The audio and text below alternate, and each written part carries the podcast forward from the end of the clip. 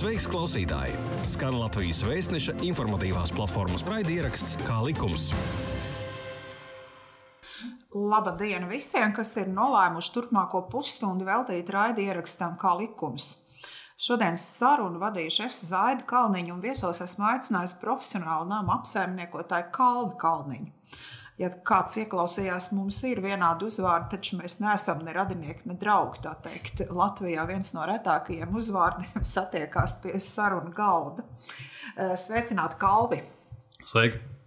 Eh, šodienas saruna, var teikt, ir ābēts daudz dzīvokļu namu iedzīvotājiem un ar tādu nosaukumu, kas ir kopīpašums. Cita starpā LV portālā ir pieejama ļoti daudzveidīga informācija par šo tēmu, kopīpašums, kam interesē, varat meklēt.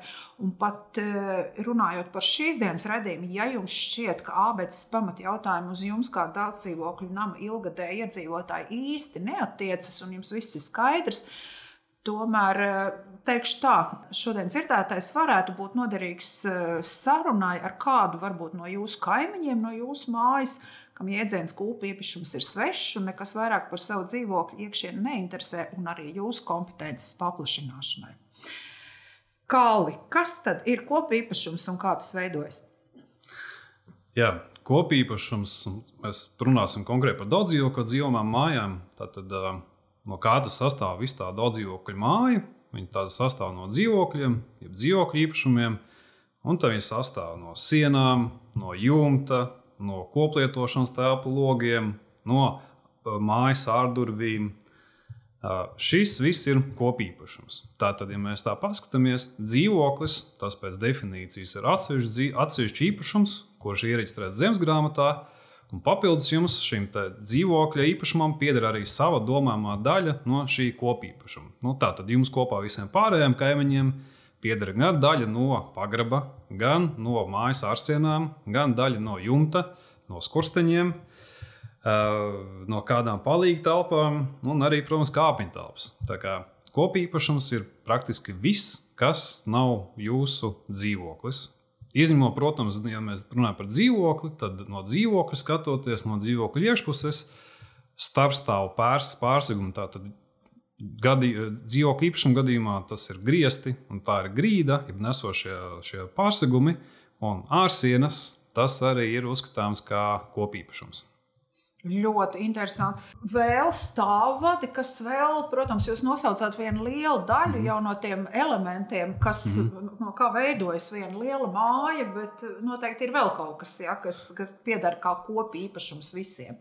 Jā, protams, tad, tad Es to parasti saucu par mājas asinsrītu. Tās ir uh, inženieru komunikācijas.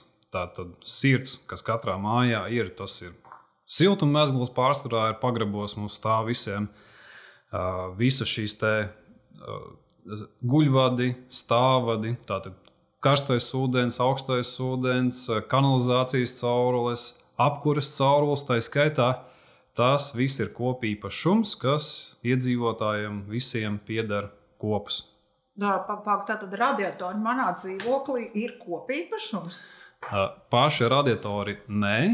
Nu, tas tā radiatoriem tā mazliet interesanti, ka viņi ir kopīpašuma elements, sastāvdaļa, bet teiksim, radiatoru nomaiņu dzīvokļu īpašnieks savā īpašumā veids par saviem līdzekļiem, vienlaicīgi šo radiatoru nomaiņu saskaņojot ar pārvaldnieku.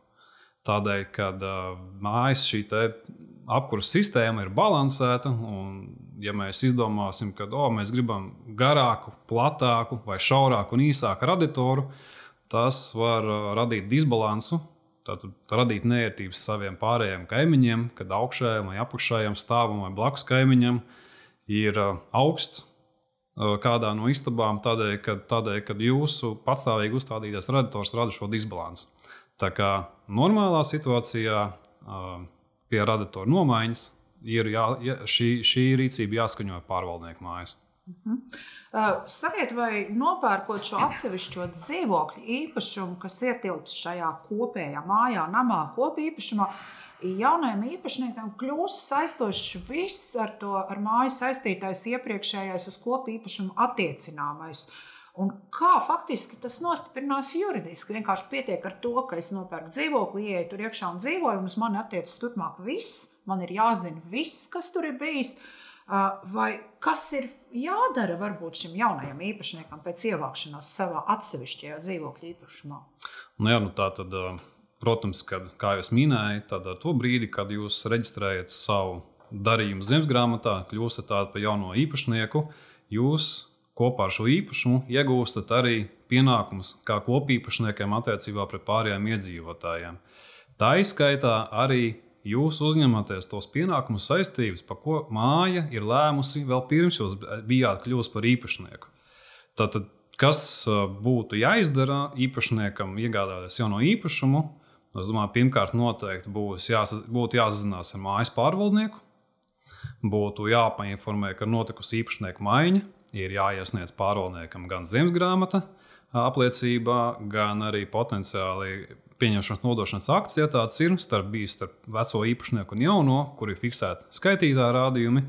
Tāpat es pilnīgi noteikti ieteiktu noslēgt dzīvos mājas pārvaldīšanas līgumu, lai jaunais īpašnieks redz, kādas ir viņa tiesības un pienākumi, kādas ir pārvaldnieka tiesības un pienākumi. Uh, Tāpat tās viennozīmīgi būtu vērts griezties pie pārvaldnieka un apskatīties dzīvos mājas, mājas lietu. Nu, tas nozīmē, ka īpašnieks potenciāli var iepazīties ar visiem pieņemtiem kopijas lēmumiem, saprast, kas ir kaut kādi tiesību aprobežojumi vai kaut kādi papildus maksājumi, ko kopība ir uzņēmusies veikt. Tāpat tās arī saprast, kas ir tātad, nu, kas notiekās ar mājas finansēm, uzkrājuma fonda līdzekļiem, remonta darbiem, kas ir bijuši veikti, kas plānojās veikt. Nu, tā tad var teikt, iepazīties ar to, ko tu esi nopircis. Jo bez dzīvokļa tu pērc arī vispārējo no kopīpašuma. Mm. Uh, varbūt tas ir jādara faktiski pirms pirkšanas. Jo izklausās tā, ka Jūs sakat, vajag apskatīties to, iepazīties ar to, un uh, varbūt, ka es pērku kaķu maisā, varbūt man ir tiešām jāiet skatīties kādas bērniņu telpas vai, vai pagrabu telpas, un vispār jāsaprot, ka varbūt šo dzīvokli nemaz nepirkt. Jā, viennozīmīgi, ka pircējs ir saprātīgs, īpašumu iegāde tomēr ir nopietns dzīves notikums, un tas ir finansiāli apjomīgs darījums. Uh, Es pilnīgi noteikti ieteiktu uh, izprasīt no esošā dzīvokļa īpašnieka visu interesējošo informāciju, lai viņš pastāsta, parāda, kas tam mājā ir darīts, kas tiek plānots darīt, kādi ir šie lēmumi pieņemti.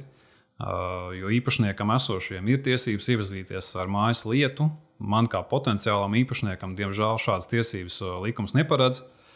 Tāpat tās arī būtu potenciāli jāuzprasa, lai esošais īpašnieks uzrāda tā saucamo ēkas vizuālās apsakošanas aktu, kas ir jāstāda pārvaldniekam reizi pusgadā, kur tad ir patiesībā veikta tāda ēkas defektācija, kur ir norādīts, kādā stāvoklī ir katrs no šiem kopīpašuma elementiem.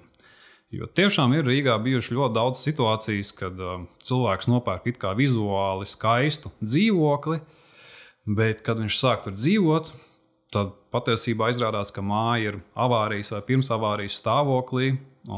Sliktākā gadījumā tas var beigties ar to, ka tu esi nopircis īpašumu, esi kaut kādā hipotekāro kredītu paņēmis uz 20, 25 gadiem. Bet varbūt tā, ka pēc kāda pusgada tev vietējā būvvaldē aizliedz eksploatēt šo īpašumu. Tas nozīmē, ka aktīvi vietā to es nopirku pasīvu, par ko tu maksā 20, 25 gadus, un tu jau nevari dzīvot. Un arī nevar pārdot, jo nevienam jau nevajadzēs tādu īpašumu. Tā kā viennozīmīgi nedrīkst skatīt, pērkot īpašumu, nedrīkst skatīties tikai cik skaisti nokrāsotas sienas ir vai cik skaisti virtuves iekārta. Ir jāvērtē viss kopīpašums kopā. Dzīvokļi tiek pirkti, pārdoti, izīrēti, mainās cilvēku plūsma noteiktajās daudzdzīvokļu mājās diezgan aktīvi. Vai šim pārvaldniekam, apsaimniekotājam pienāk kaut kāda centralizēta informācija, nu, kaut vai teiksim, par īpašumu maiņu, jā, īpašumu tiesību maiņu? Jo viens ir tas ir tā īpašnieka atbildība, ko jūs teicāt. Ja? Bet, eh, bet teiksim, kā ir no tās otras puses, vai, vai tas pārvaldnieks, apsaimniekotājs spēj izsakot šai īpašuma tiesību maiņai?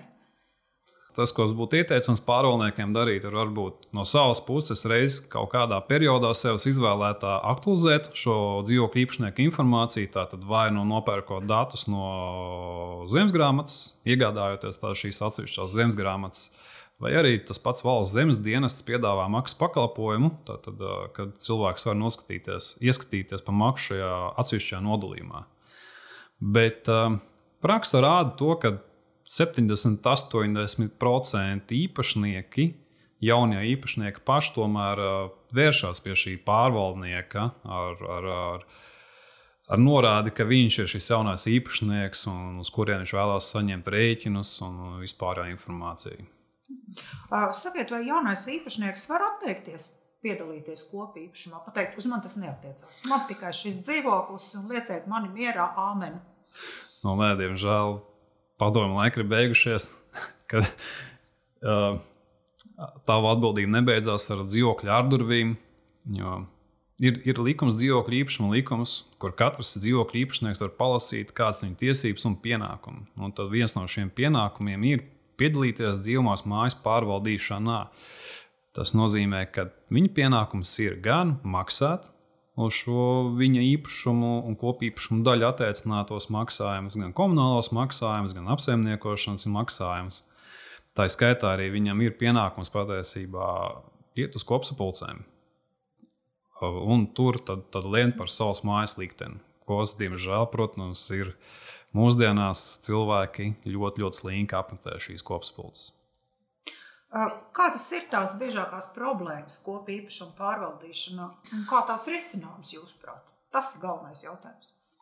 Jā, nu tad, kā jau minēju, ir kaut kāda maza cilvēka daļa, nu, aptuveni 10% no mājas kopējā iedzīvotāju skaita, kuriem rūp savu māju, kuri saprot, ka tas ir viņu īpašums, viņi ir aktīvi, viņi nāk uz sapulcēm, viņi vēlās pieņemt kaut kādus lēmumus. Tad ir aptuveni 80% iedzīvotāji, kas ir manā ieskatā tā ļoti pasīva daļa. Tātad, kas ir tie īpašnieki? Tie ir īpašnieki, kuri vai nu mantoja šo īpašumu, vai viņi viņus izīrē un paši dzīvo kaut kur citur. Vai viņi ir, nu, diemžēl, maz izglītoti, un viņiem liekas, ka joprojām tā ir kāda cita padomu laika, jā, ka tā ir kaut kāda cita atbildība, tā kāpiņa telpa, un tas nav viņa, jo viņam taču ir dzīvoklis, un tas arī viss. Nu, lūk, un, tad, tad pat, patiesībā uz sapulcēm atnāk šie daži procenti iedzīvotāji, nu, varbūt vēl kāds, kas gadās. Bet tas vai nerada šo situāciju, ka faktiski tādu kopu īpašnieku lēmumu pieņemšana ir teju neiespējama? Tas ir ļoti apgrūtinoši. Tas ir tiešām ļoti apgrūtinoši. Nu, manā ieskatā, ārpus Rīgas reģionos, kur cilvēki viens otru vairāk pazīst, viņi tur ir aktīvāki, Viņi saprot, viņi nāk ārā, pagalmā, pulcējās, lem par savu māju. Kā saprot, ka tā ir viņu māja. Rīgā bieži vien kaimiņš pat nezina, kas viņam blakus durvīs dzīvo. Viņi viens otru nepazīst, un cilvēks, ja viens otru nepazīst, varbūt viņi pat jūtas nērties tam sapulcēm. Ko tad es starp tiem svešajiem darīšu? Tas ir viena vien problemātika. Otra problēma ir um, tajās pašās sapulcēs lai gan varbūt atnāk, nu, pieņemsim 50% no mājas, kas it kā būtu pietiekami ļoti daudz lēmumu pieņemšanā. Bet arī šajās sapulcēs tie lēmumi bieži vien netiek pieņemti, jo veidojās šīs kaimiņu iekšās nesaskaņas. Viens grib remontēt kāpņu telpu, lai viņa būtu skaista. Viens saprot, ka nepieciešams šo stāvokli mainīt. Viens saka, ka vispār neko nevajag darīt, jo viss ir tāpatās labi un viņa mūžam pietiks. Nu, tā tad šī ir tā otra problemātika. Tātad, kā iedzīvotāji nespēja nonākt pie vienota viedokļa un sadalās daudzās ma mazās grupiņās. Nu, manuprāt, tāda lielākā, lielākā problemātika, kas izskan katru rudeni, nu jau nezinu, cik gadu garumā, ir šie komunāla pakalpojumu parādi. Kā mēs visi zinām, tad uh, komunāla pakalpojumu parāds tiek uzkrauts īpašniekam. Nu, tā tad iedomāsimies situāciju, kad mēs esam 70 dzīvokļu māja, pie mums dzīvo onkls vārdā Juris. Juris izdomā, ka uz viņu nekas neatiecās, viņam nav oficiāli ienākumi, viņš ir tad, tad oficiāli no viņa neko nevar piedzīt, viņš to apzinās, viņš to spekulē. Un Juris, teiksim, nu, vai nu viņam kāda banka atņem šo īpašumu, vai viņš viņu pārdod, vai nedod Dievs, viņš beidz savu dzīvi šai saulē, un viņam nav mantinieka. Nu, tā tad viss viņa, viņa dzīves laikā, kamēr viņš bija šī dzīvokļa īpašnieks, sakrātais parāds, gulstās uz tiem pārējiem 69 iedzīvotājiem. Nu, tad jautājums, kam sekt šo parādu, ja nav no kā piedzīt. Tad Jurim nav oficiāli ienākumi, nav īpašumu, vai viņš vairs nav šeit. Manā ieskatā daudz, daudz pareizāk un korektāk būtu tad, ja parāds sekot īpašumam. Nu, Tātad, iesniedzot nosprinājumu lūgumu zemesgrāmatā, būtu normāli, ka zemesgrāmatas tiesnesis arī pieprasītu izziņu no pārvaldnieka par to, ka šim īpašumam vai nav parāds, vai arī e, jaunais ar veco īpašnieku ir vienojušies. Tātad jaunais īpašnieks apzinās, ka šis parāds ir šim īpašumam, attiecīgi par to daļu samazinošu īpašumu vērtību. Bet, e, nu, diemžēl, es domāju, ka, lai ko šādu panākt, ir diezgan garš ceļš vēl ejams. Varbūt, ka jārosina izmaiņas, ja tas nav nostiprināts likumā, to nedarīs. Protams, bet uh, vienmēr jau katrai medaļai ir, uh, ir, ir uh, divas puses. Un kāda ir otrā? Es domāju, ka otrā pusē sēž uh, cilvēki no banku nozares, kur arī apzinās, ka, ja viņi šo īpašumu atņem pa parādiem, tad tas ir nodrošinātais kreditors. Tas nodrošinātais kreditors, protams, ka viņš nevēlēsies, lai uz šo īpašumu, ko viņš ir atņēmis, stāv vēl kaut kā cita parāds. Jā, kā risināt šīs jūsu trīs nosauktās lielās problēmas? Manā ieskatā, teiksim, ko mēs jau risinām ļoti rezultatīvi, ir lēmumu pieņemšana elektroniskā veidā. Tas nozīmē, ka likumā ir rakstīts, ka tātad īpašnieks var balsot rakstveidā, teiksim, ja mēs runājam par lēmumu pieņemšanu aptaujas ceļā. Cilvēks var balsot rakstveidā. Tātad Pa vecam tas nozīmē pasta kastītē atstājot šo aptaujas anketu. Bet par cik šobrīd kaut kāds 70-75% no mājas iedzīvotājiem šos savus rēķinus un patiesībā arī visu ikdienas sarakstu veids ar e-pasta starpniecību. Un mūsdienās ļoti daudziem cilvēkiem ir arī e-paraksts. Tad mēs teiksim, arī aicinām iedzīvotājus iesniegt anketas elektroniskā veidā. Tātad šajā gadījumā mēs sasniedzam tos dzīvokļu īpašniekus, kas izīrē savus īpašumus. Viņš nav uz vietas, viņš nepārbauda to pasta kastīti, bet viņš uh, saņem rēķinā, kopā ar rēķinu viņš saņem šo aptaujas anketu, ko viņš aizpilda, paraksta ar e-parakstu un atsūta mums atpakaļ. Tad tādējādi mēs sasniedzam gan personas, šos īpašniekus, modernos īpašniekus un cilvēkus, kas ikdienā neizmanto internetu, kuram nav šis e-paraksts. Uh, otrs risinājums manā ieskatā būtu uh, iziet vienreiz to grūto ceļu, respektīvi ievēlēt mājas pilnvarotās personas. Šobrīd, šajā gadā, šī gada sākumā, tika veikta izmaiņas dzīvokļu īpašuma likumā, kas paredz, ka pilnvarojumu dzīvokļu īpašnieku var iedot ar 50 plus 1 balss. Agrāk bija, tie bija, man liekas, 3 ceturtais, ja nemaldos. Tad šobrīd jau pieteikti tikai ar pusi no īpašniekiem. Nu, tā tad plus viens. Jā. Plus viens jā. Nu, lūk, tā tad, ja tiek kopīgi saprot, ka viņi nevēlas pulcēties, viņi saprot, ka viņiem ir mājā šie aktīvisti, kam viņiem uzticās, kuriem ir laiks un interesi un vēlme darboties ar, ar savu māju, tad viņi var iesniegt šo plašo pilnvarojumu, ka šie, šie pilnvarnieki var mājas vārdā saskaņot remonta darbus ar pārvaldnieku, pasūtīt remonta darbus, saskaņot pārvaldīšanas plānus. Runāt ar pārvaldnieku par pārvaldīšanas izmaksām, par uzkrājuma fondu izmaksām, par patiesībā par ļoti daudz un dažādu pilnvarojumu. Tas ir, tas ir šis otrais variants, kas prasa varbūt to vienreiz to piepūli, tos garos vakarus, staigājot pie kaimiņiem un pārliecinot, ka vajag balsot, tāpēc ka šī ir mūsu māja. Uh, nu, lūk, nu, trešais, ko es minēju, jā, tas jau šis parāda jautājums, kad, kad jā, parādam būtu jāsako dzīvokļu īpašumam. Jā, šobrīd tas tā nav. Un sanāk tā, ka dusmīgi samaksā vienā, die, vienā reizē visi pārējie par jūra uzkrātajiem parādiem, vai ne? Sadalot uz galviņām. Uh. Jā, nu, laikam, vai, vai, nu, vai nu vispārējā samaksā, vai arī tas pats pārvaldnieks ņem no savas kabatas sēdz parādu pret pakalpojumu piegādātāju, lai tomēr tiem pārējiem kaimiņiem būtu šis nomaksāšais parāds. Kā galā ir mājas uzkrājuma fonds, arī to var novirzīt, vai ne no tā? Jā, ir kopīgs lēmums atsevišķi. Mhm. Bet tāpat laikā uh, pārvaldīšana mūsdienās nav vairs tikai par to, ka pārvaldnieks ikdienā tur nodarbina sētnieces un sagatavo rēķinus. Patiesībā sekmīga pārvaldīšana ir pār finanšu disciplīnu.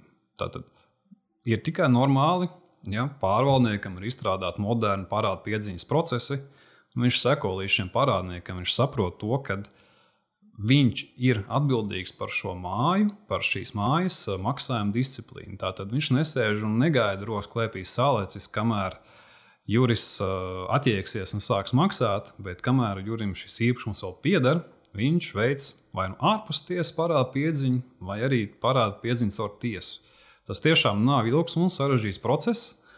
Var pārvaldnieks, ja pašam nav šādas kompetences, nolikt jebkuru juristu, kurš sagatavo šos prasības pieteikumus. Nu, varbūt būtiskais nosacījums būtu tas, lai tā summa ne, nepārsniegtu kaut kādas 2000 eiro, jo tad jau šī piedziņa paliek apgrūtinoša. Kā likums? Kā likums? Jā, tu klausies Latvijas Vēstneša informatīvās platformas raidierakstu Kā likums? Jums tā labi izdodas šeit padomu došana, kā risināt problēmu. Varbūt jums ir arī padoms, kā, kā tikt galā ar šiem pasīvajiem cilvēkiem, ar to pašu jūri. Jūs teicāt, viņu trobelēt pārvaldniekam, bet varbūt ir vēl kādas metodas. Vislabākais, vislabākais stimuls cilvēkiem atnākt uz sapulci, kad ir viena liela kopēja problēma.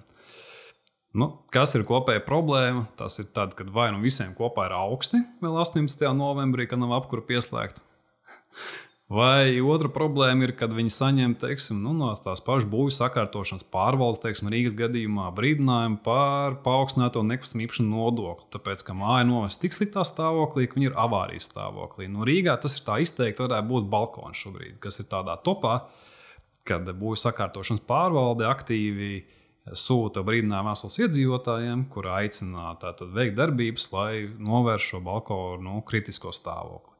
No tad cilvēks saprot, ja viņam samazinātā nekustamības nodokļa vietā būs jāmaksā lielais nodoklis, tad 3% gadā. Tad diezgan veiksmīgi visi pulcējas tajā pagalmā pa vakariem un tad meklē to slikto. Jā, starp citu, balkons tāpat kā stāvots, jā, ir kopīpašums. Mans balkons ir pieder visiem. Kā tas ir? Nu jā, bieži vien ir tā, ka, ko es esmu dzirdējis, apulcējis, kad cilvēks saka, ka Man nav balkona. Jā, arī tā. Man pa viņu nav jāmaksā. Man nav nekāda daļa. Redz, kur viņam tas balkons pieder, pats lai domā. Bet es gribēju teikt, ka tas, jā, nu, pēc likuma balkons, nesošās konstrukcijas balkonam, ir kopīpašums. Tātad, ko nozīmē nesošās konstrukcijas? Tas nozīmē viss balkons, izņemot to segumu. Kas no nu kuram tur uzlikts? Vai nu kāds līnolējs, kas nav varbūt nav labākais variants, vai flīze, tātad segums. Segums pieder īpašniekam, vispārējais pieder mājai. Līdzīgas analogijas var vilkt ar nezinu, teiksim, jumtu. Pirmais stāvs saka, man netraucē, ka jums ir caurs un pūš. Man ir viss labi. Pēdējais stāsts saka, man ir vienalga, kad uh, bērniņos uh, pūš vējš, uh, pagrabā pūš vējš cauri un pirmam stāvam kā aizsalst. Un tad šeit cilvēkam jāsaprot, ka Visa māja pieder mums visiem kopā. Mēs visi arī pirmais stāvs maksā par uh, jumta remontu, un piektais stāvs maksā par pirmā stāvā pagraba pārseguma remontu. Tāpat tās ir arī par balkoniem.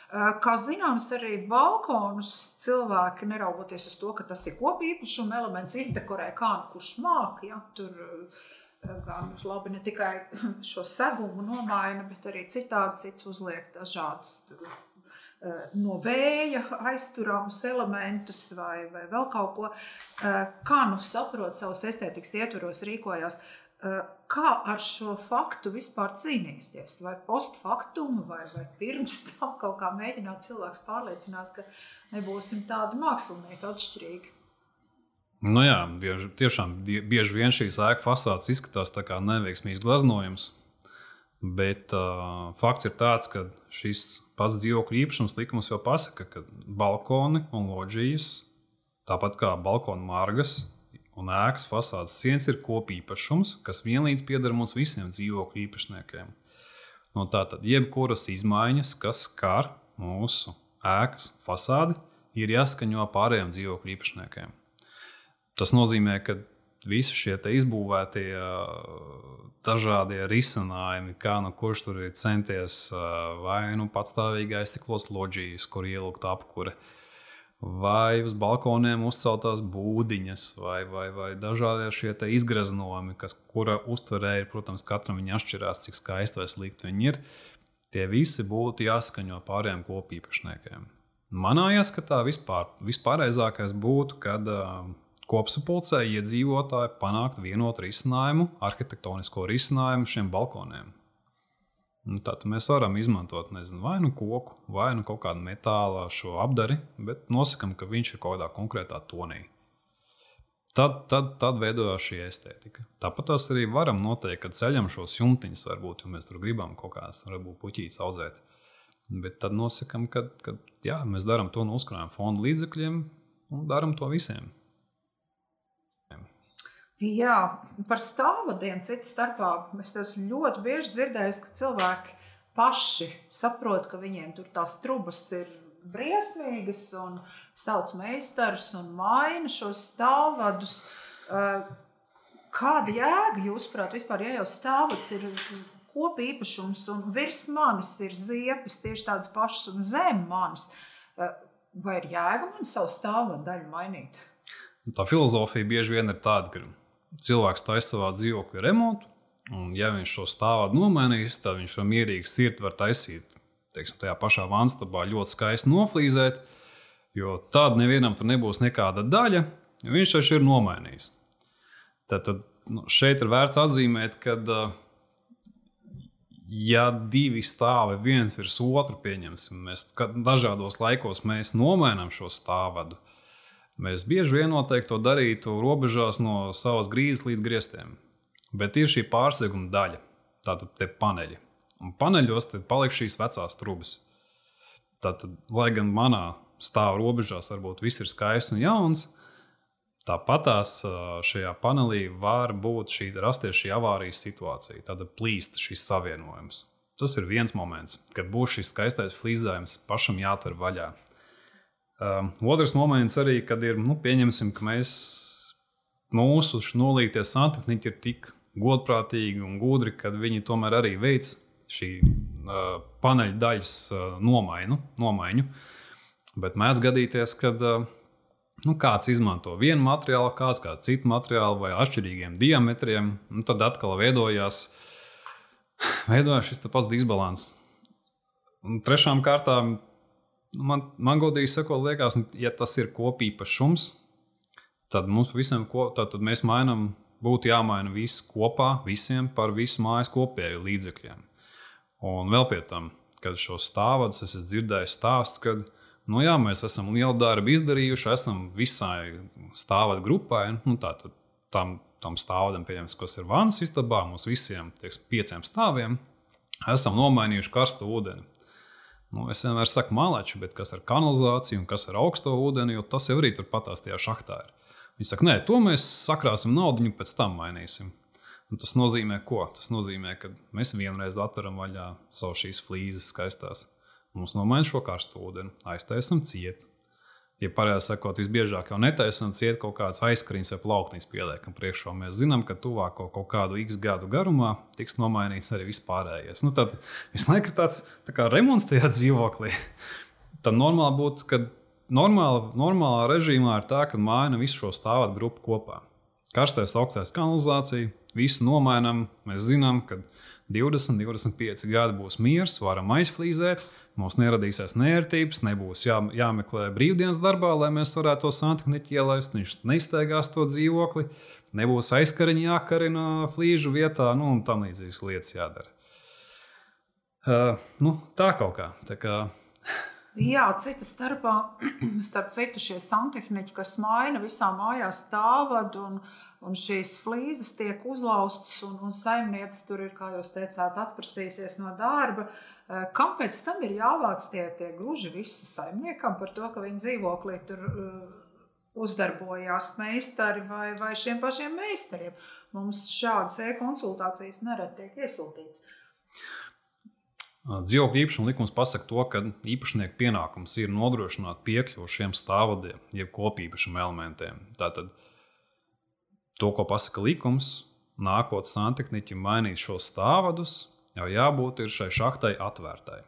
Stāvtehniķa pienākums nav rūpēties par to, lai jūs šīs skaistās, dārgās flīzes nebojāts tika noņemts. Tātad santehniķa uzdevums ir atnākt, nomainīt šos stāvadus, savākt vecos stāvadu posmus un visas pārējās detaļas, ja, ja grūžus, kas ir radušies viņa darba laikā, un aiziet.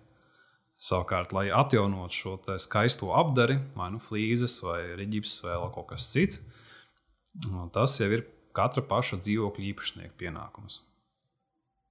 Diemžēl, bet, diemžēl, bet tiešām ir praksē daudz gadījumu, kad cilvēks saka, ka nē, viņš tikko pirms pieciem gadiem ir taisījis remontu savā dzīvoklī. Viņš nelaidīs iekšā neļaus tās flīzes mm, sist nost. bet nu, tā nevar. Jūs jau pieskārāties tam, bet jā, vai, vai šie dzīvokļu īpašnieki var atteikties ielaist apsaimniekotāju, pārvaldnieku, viņa nolīgtos dienestus savā dzīvokļu īpašumā, sakot, ka man tāpat labi viss ir. Es neko, kā jūs teicāt, neļaušu laust savus piecus gadus atpakaļ smuki salīmētās flīzes. Man viss tāpat labi lieciet man mierā. Varētu jau var, bet dzīvokļu īpašuma likums to neatļauj. Bet ko darīt? Tas cilvēks nelaiž. Nu, ko darīt? Nu, tā tad jārēķinās ar to, ka, ja ir problēma kādā stāvadā, nu, visbiežāk šis jautājums skar tieši stāvadus. Un, kad cilvēks saka, ka viņš nelaidīs dzīvoklī, tad tas de facto nozīmē, ka teiksim, šis te, ja plīs, pieņemsim, augstā ūdens stāvats, tad šis augstais ūdens nebūs vai nu visai mājai uz kaut kādu periodu, vai nebūs šim atsevišķiem stāvada lietotājiem. Tātad stāviem, pirmam, otram, trešam, ceturtam, piektam pieņemsim konkrētu, konkrētu stāvu. Teiksim, ja plīst vānas istabā vai vienalga vai virtuvē plīšas stāvats, tad visiem stāviem, kas pievieno pie šī stāvada, nebūs tajā konkrētajā maisītājā ūdens. Kāds tas risinājums ir? Nu, tas patiesībā jau ir pārvaldnieka kompetences jautājums, kā viņš to spēja nomenedžēt. Sākotnēji, protams, pārvaldniekam pašam būtu jāvēršas pie šī iedzīvotāja, mm, jāmēģina vienoties par kaut kādiem kompromisiem. Otrais solis būtu arī iesaistīt vispārējos, vai nu šī stāvada lietotājs, vai pat visu māju, tomēr mēģināt pārliecināt, Jo kaimiņiem būtu labāk jāpazīst vienam otru un jāspēj pārliecināt, labāk nekā pārvaldniekiem, kas tomēr ir trešā persona. Nu, ja arī tas nesanāk, tad uh, pēdējais solis ir uh, caur tiesu, tiesu ceļā panākt to, ka ir tiesas spriedums par to, ka šim īpašniekam ir jānodrošina šie piekļuvi. Un, ja, nav, ja viņš nenodrošina tiesas spriedumu izpildu labprātīgā ceļā, tad ir piespiedu izpildīt ar tiesas izpildītājiem. Bet, uh, tas, tas ceļš, lai gan ir ļoti garš, noteikti. Nu, es, teikšu, es teikšu, tā, manuprāt, ap mēnesi tas varētu būt. Nu, visu mēnesi visiem nav ūdens fantastiski. Nu, tieši tā, un es domāju, ka tad apakšējā stāv kaimiņš, augšējā stāv kaimiņš paliek tāds bišķi niknāks un diezgan ātri var atrast to kopsaucēju.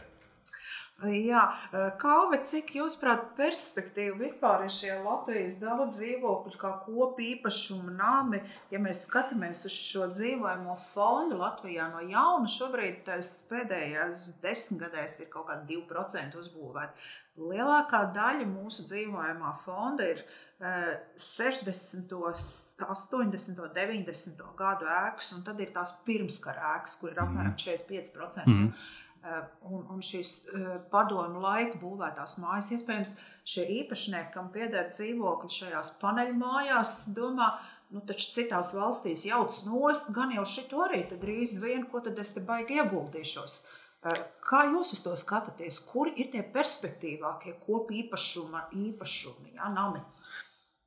Mana pieredze rāda, ka perspektīvākie ir tie īpašumi, kur cilvēki ir gatavi ieguldīt savā īpašumā. Neraugoties uz to, ka tā ir deviņu stāvu paneļa māja. Nē, nē nu, paņemsim pa piemēru. Nu, pieņemsim pirmskara mājas. Liekas, šīs mājas ilgi stāvēs, lieli biezi sienas, pamatīgi būvētas, veco laiku kvalitāte. Bet tāpat laikā, ja mēs paskatāmies teiksim, šo pašu Rīgu, tad nokāpjot šo māju pagrabā, nu, ir novērojams tas, ka šīs nesošās konstrukcijas, kas ir pagrabā pārsegums, šīs metāla sijas, Viņas ir caurūsējuši, izrūsējuši. Tik ļoti, kad ir bijuši gadījumi, kad man tiešām pašam ir bijis bail nokāpt tajā pagrabā iekšā, bail, ka tā māja sabruks man virs galvas. Tāpat laikā ir, ir mājas, kas ir tās pašas paneļa mājas, lai gan cilvēkiem liekas, ka tās paneļa mājas toņās, toņās izjūgs. Nu jā, arī gal galā viņām ir kaut kāds lietošanas ilgums, tur 70 gadi aptuveni. Tā. Jā, bet tas jau, redziet, tas jau atkarīgs no tā, cik īpašnieks rūpējās par savām mājām. Nu, tad līdzīgi, nezinu, analoģija ar kurpēm var nopirkt ļoti dārgas kurpes, par viņām nerūpēties, un viņas pēc diviem gadiem būs beigts. Nopirkt varbūt mazliet lētākas kurpes, bet saudzīgi viņām apieties, un viņas kalpos divreiz, trīsreiz ilgāk. Līdzīgi ar mājām. Man tā pieredze rāda to, ka tieši tie iedzīvotāji, kas dzīvo paneļu mājās, ne tikai paneļu, bet padomu laiku mājās, viņi apzinās to, ka jā, viņu mājām ir pienācis jau diezgan cienījams vecums, ir brīdis, kad ir jāsāk veikt remonti, un viņi ir gatavi par to maksāt. Viņi saprot to, ka nu, kur vēl citur es šobrīd dzīvošu. Ja man šīs īpašums sabruks, man nav citur, kur iet. Pretējais stāsts ir par projektiem, kas ir būvēti tā saucamie jaunie projekti, kas ir būvēti laika periodā no kaut kāda, nu, nezinu, 2000. gada sākuma līdz 2010. gadam aptuveni. Šie īpašumi ir bieži vien būvēti ar nekvalitatīviem materiāliem, ļoti sliktā kvalitātē. Bet uh, tie cilvēki, kas šajās mājās dzīvo, viņiem ir vēl joprojām prātā sēž nosaukums jaunais projekts. Tas nozīmē, ka es taču esmu nopircis īpašumu par dārgu naudu, man vēl ir hipotekārais maksājums. Manā ieskatā mans īpašums vēl ir jauns tikai 10 gadi vai okay, nu jau 15 gadi pārsvarā gadījumos, viņš taču ir lieliskā stāvoklī. Bet mana pieredze rāda to, ka eh, tieši jaunajā, ja mēs paskatāmies šos avārijas izsaukumus, pieteikumu skaitu par plīsušiem stāvdiem vai guļvadiem, tieši jaunie projekti no šiem gadiem ir ar lielu atrāvienu priekšā visām pārējām mājām. Plīst tie stāvadi un guļvadi nu, katru nedēļu pilnīgi noteikti. Kā, un vēl pie tam ir ļoti grūti šeit šos cilvēkus sapulcināt un panākt, uh, lai viņi pieņem lēmumu, ka tas uzkrājums jāveido tomēr lielāks nekā tikai simbolisks.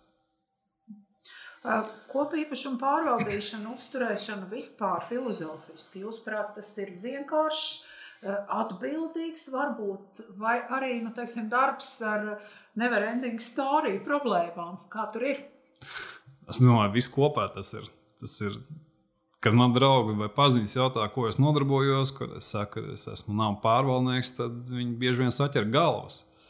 Darbs nav vienkārši. Ir jāzina ļoti daudz lietas, ir jāzina juridiskās nianses, ir jābūt labam psihologam, ir jāzina tehniskie jautājumi, ir jāzina ļoti plašs spektrs ar likumdošanu, ir jāmāk strādāt ar publiku, jo tev tomēr ir vajadzīgs, lai šie visi dzīvokļu īpašnieki pieņem kaut kādā veidā lēmumus. Vienmēr tu kādam būs sliktais, lai vienalga, ko tu darītu. Kādam būs labais. Un tie ir ļoti reti gadījumi. Tie ir svētki, kad mēs saņemam pozitīvas atsauksmes. Bet tie ir tie gadījumi, kas tieši liek strādāt. Es domāju, ka pārvaldīšanas nozarei bija, ir un būs. Tā ir tiešām lieta, kas nav vienkārša un ko ļoti daudz iedzīvotāji varbūt pirmajā momentā liekas, nu, ko tas pārvaldnieks tur dara. Jā, mēs paši. Jā, mēs paši, mēs, kas tad tur ko? Nolīgstam sētnieku, kaut kādu rēķinu izrakstīsim un dzīvosim nost. Viss kārtībā. Tā kā tā nozara nav vienkārša, bet uh, noteikti es redzu viņai perspektīvu. Un, un, un, jo vairāk būs labi pārvaldnieku nozarē iekšā, jo būs tas, tas, tas, tas uh, dzīvojamā fonds būs labāk uzturēts. Proti, jūs uzturat eh, arī pats, kā nozars pārstāvis, tomēr šo uzstādījumu, ka ļausim strādāt speciālistiem. Nu, redzat, eh, pirmkārt, ko pasaka dzīvojamā pārvaldīšanas līkums? Ka dzīvojamā pārvaldīšana nu, jānodarbojas ar pārvaldniekiem. Tātad virs mājām, kur platība ir virs 1500 km2, ir jābū, jāpārvalda cilvēkam ar atbilstošu izglītību. Nu, tā vienkāršos vārdos sakot, 1500 km2 varētu būt kādi nu, aptuveni 30 dzīvokļi. Tātad līdz 30 dzīvokļu mājiņai, tādā padomju projektā, to tā kā paši varētu darīt. Bet, ja mēs runājam, tad, ko nozīmē paši, visbiežāk tā ir uh, biedrība. Tātad, kādi ir tie biedrības uh, plusi vai mīnusi? Nu, teiksim, pie plusu mēs varētu nosaukt to, ka biedrības, šo biedrības biedru pilnā pāraudzībā ir šī visa mājas naudas plūsma. Tad zūd risks, ka pārvaldnieks varētu aizbēgt ar naudas līdzekļiem, kas mums šeit mūsdienās šķiet bišķiņa absurdi. Tas varbūt bija pirms desmit gadiem aktuāli. Šobrīd normālā režīmā tā tam nevajadzētu būt. Tāpat arī tā sajūta, ka mēs paši apsaimniekojam savu māju, bet nu, paši ir paši. Kā mēs mākam, tā mēs to darām. Nu, protams, ka jā, nu, iespējams lētākas izmaksas. Nu, kaut vai priekš tādas parastā iedzīvotāja, kas ir fizika persona, tas būs šis kaut kā pienotās vērtības nodoklis, jo visbiežāk biedrības nav PVN maksātājs. Bet uh, pie mīnusiem, var nosaukt pie mīnusiem, tad cik liela iedvesmu tās biedrības parasti sāk to darbu, cik lielu laiku viņas iegulda. Tad pēc tam, uzsākot pārvaldīšanu, tie biedrības biedri saprot, ka viņiem arī ir jābūt šai privātajai dzīvei. Sāk veidoties šis laika trūkums. Sāc, sāc pārvērtēt savas prioritātes. Biežāk tā ģimene ir pirmajā vietā, nevis sava šī māja. Uh, otrais ir tas, ka ir šīs nu nepietiekošās zināšanas par normatīviem aktiem. Uh, kad netiek vai nu, vai nu tiek pieņemti lēmumi, kas nav saistoši dzīvokļu īpašniekiem, bet tiek uzspiesti, vai teiksim, netiek šīs te vēja, šīs te māju vizuāla apsekošana, vai netiek strādāts ar parādniekiem, kas bieži vien ir biedrībās, kas ir desmit un vairāk gadu vecas, kur ir viena māja pāraudzībā, ka tur veidojās konflikts ar kādu kaimiņu, kur ir pat, es esmu pats saskāries ar 30 tūkstošu eiro lieliem parādu saistībām. Tāpat tās arī ir pieminot par tās pašām finansēm, kad nav šis finansiālais spilvens apakšā. Kad, ja pēkšņi jums mājā ir no, no 50 dzīvokļiem, trīs būs nemaksātāji. Viens būs nomiris, viens būs aizbraucis, viens tur vēl kaut kas būs. Bet siltumam ir katru mēnesi jāsamaksā. Tāpat tās ūdenim katru mēnesi jāsamaksā. Tad jautājums, kur mēs ņemsim šo naudu? Uh, un beidzamais, kas nav mazsvarīgi, pie biedrības šiem mīnusiem, ir, ka pārējie kaimiņi laika gaitā sāk to darbu nenovērtēt. Kad ja sākumā šie biedrības cilvēki ir labi un forši, ka viņi ir pārņēmuši mājas savās rokās un paši apsaimniekos, tad laika gaitā cilvēks jau atcerās tikai to slikto. Par, nezinu, laikā nenopļaut zāli, par to, ka kāpiņu tāls viņam nav iztīrīts, vai par, par to, ka gan jau, ka tie biedrības biedri paši sev kaut ko tur sponsorē, jo nevar taču tā būt, ka pa brīvu savai mājai kaut ko dara. Nu, tāds klasiskā latviešu domas. Tāds kompromiss manā ieskatā būtu. Uh, ja ir mājā aktīvi cilvēki, kuri vēlās kontrolēt savu šo mājas pulsu, saucamo, tad, manuprāt, būtu labi, ka jā, māja var pārņemt kā savas mājas apsaimniekošanu, kā biedrību, bet noslēgt pakalpojumu līgumu ar pārvaldnieku. Ļaut par savu māju pār, parūpēties šim pārvaldniekam faktiski juridiski mājas pārvaldnieks ir biedrība, bet praktiski tavs darbinieks ir šis pārvaldnieks. Savukārt mājās, kur nu, varbūt nav vēlme uzņemties vai bailes uzņemties kaut kādas biedrības vadības lietas, nu, tad man liekas, labākais būtu atrast labu pārvaldnieku, kurš tiešām regulāri mājai sniedz informāciju par to, kas mājā notiek, par mājas uzkrājumiem, kur tās nauda ir iztērēta, par mājas parādniekiem informē, nevis tur zem skapja informāciju. Nu, Tad pārvaldnieks, kurš ir nu, moderns, kurš, kurš rūpējās par, par, par klientu māju kā par savu māju. Tad arī cilvēkiem būs laiks visam citam. Eh, ar to teikšu paldies eh, Kalvim par runāšanu un jums, cienījamie klausītāji, par klausīšanos. Un atklāšu, ka padomā mums ar Kalvu vēl ir citi noderīgi ar kopu īpašumu uzturēšanu un pārvaldīšanu saistīta informācija. Mēs noteikti ar jums tiksimies vēl. Šis bija Latvijas vēstneša raidieraksta kā likums jaunais audio fails, un tas ir pieejams kā vienmēr katru trešdienu, bet mūsu arhīvā ir arī daudz citu pusstundu ierakstu. Esiet veseli un uz sadzirdēšanos citreiz. Paldies, Kalvi! Paldies jums! Šī bija iknedēļas pusstunda kopā ar oficiālā izdevēja Latvijas vēstneses informatīvās platformas raidierakstu Kā likums. Pastāsti citiem, ja bija noderīgi un interesanti. Kā likums, tiekamies ik trešdienu!